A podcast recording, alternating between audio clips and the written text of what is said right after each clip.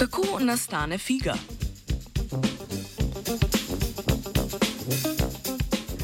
V današnjem znanstvenem Britofu poročamo o raziskavi morfologije socveti, objavljeni v znanstveni reviji Annals of Botany.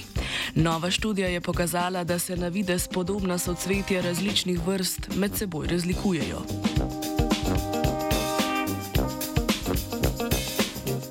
Za družino Moraceja oziroma Murovke, v katero spadajo tudi fige in murve, je značilno, da na enem poganku raste po več majhnih in homogenih cvetov. Takšne skupine cvetov imenujemo socvetja. Ta se med vrstami razlikujejo v razporeditvi cvetov v cvetišču, obliki cvetišča in zgoščenosti cvetov. Kljub dobremu poravnavanju razvoja posameznih cvetov je o razvoju socveti še marsikaj neznanega. Raziskovalno skupino je tokrat zanimalo primerjava socveti med različnimi vrstami murov, ter na kateri stopni razvoja se prvič pojavijo ključne spremembe, ki, postane, ki pozneje odražajo različne zgradbe socveti.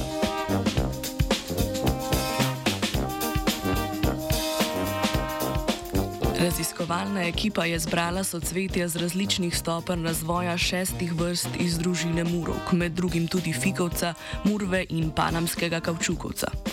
Iz socvetij se so pripravili vzorce ter izvedli površinsko in anatomsko analizo.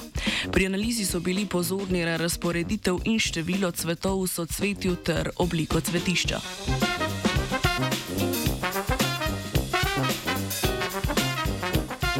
Ugotovili so, da so socvetja raziskovalnih vrst visoko variabilna.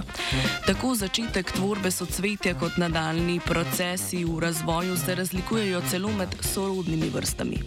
Razporeditev cvetov v cvetišču in ovršnih listov je določena že takoj v začetku razvoja socvetij. Zanimivo je, da se nekatera socvetja najprej razvijajo kot odprte strukture, šele na to pa se socvetje zapre. Tak primer je denimo figa.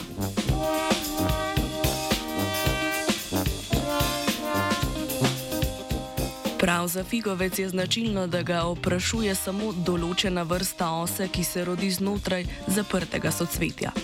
Ker je figovo socvetje najprej odprto in se šele pozneje zapre, raziskovalna skupina zaključuje, da opraševalci na nekatere vrste murovk izvajajo selekcijski pritisk, ki se nagiba k zaprtim socvetjem.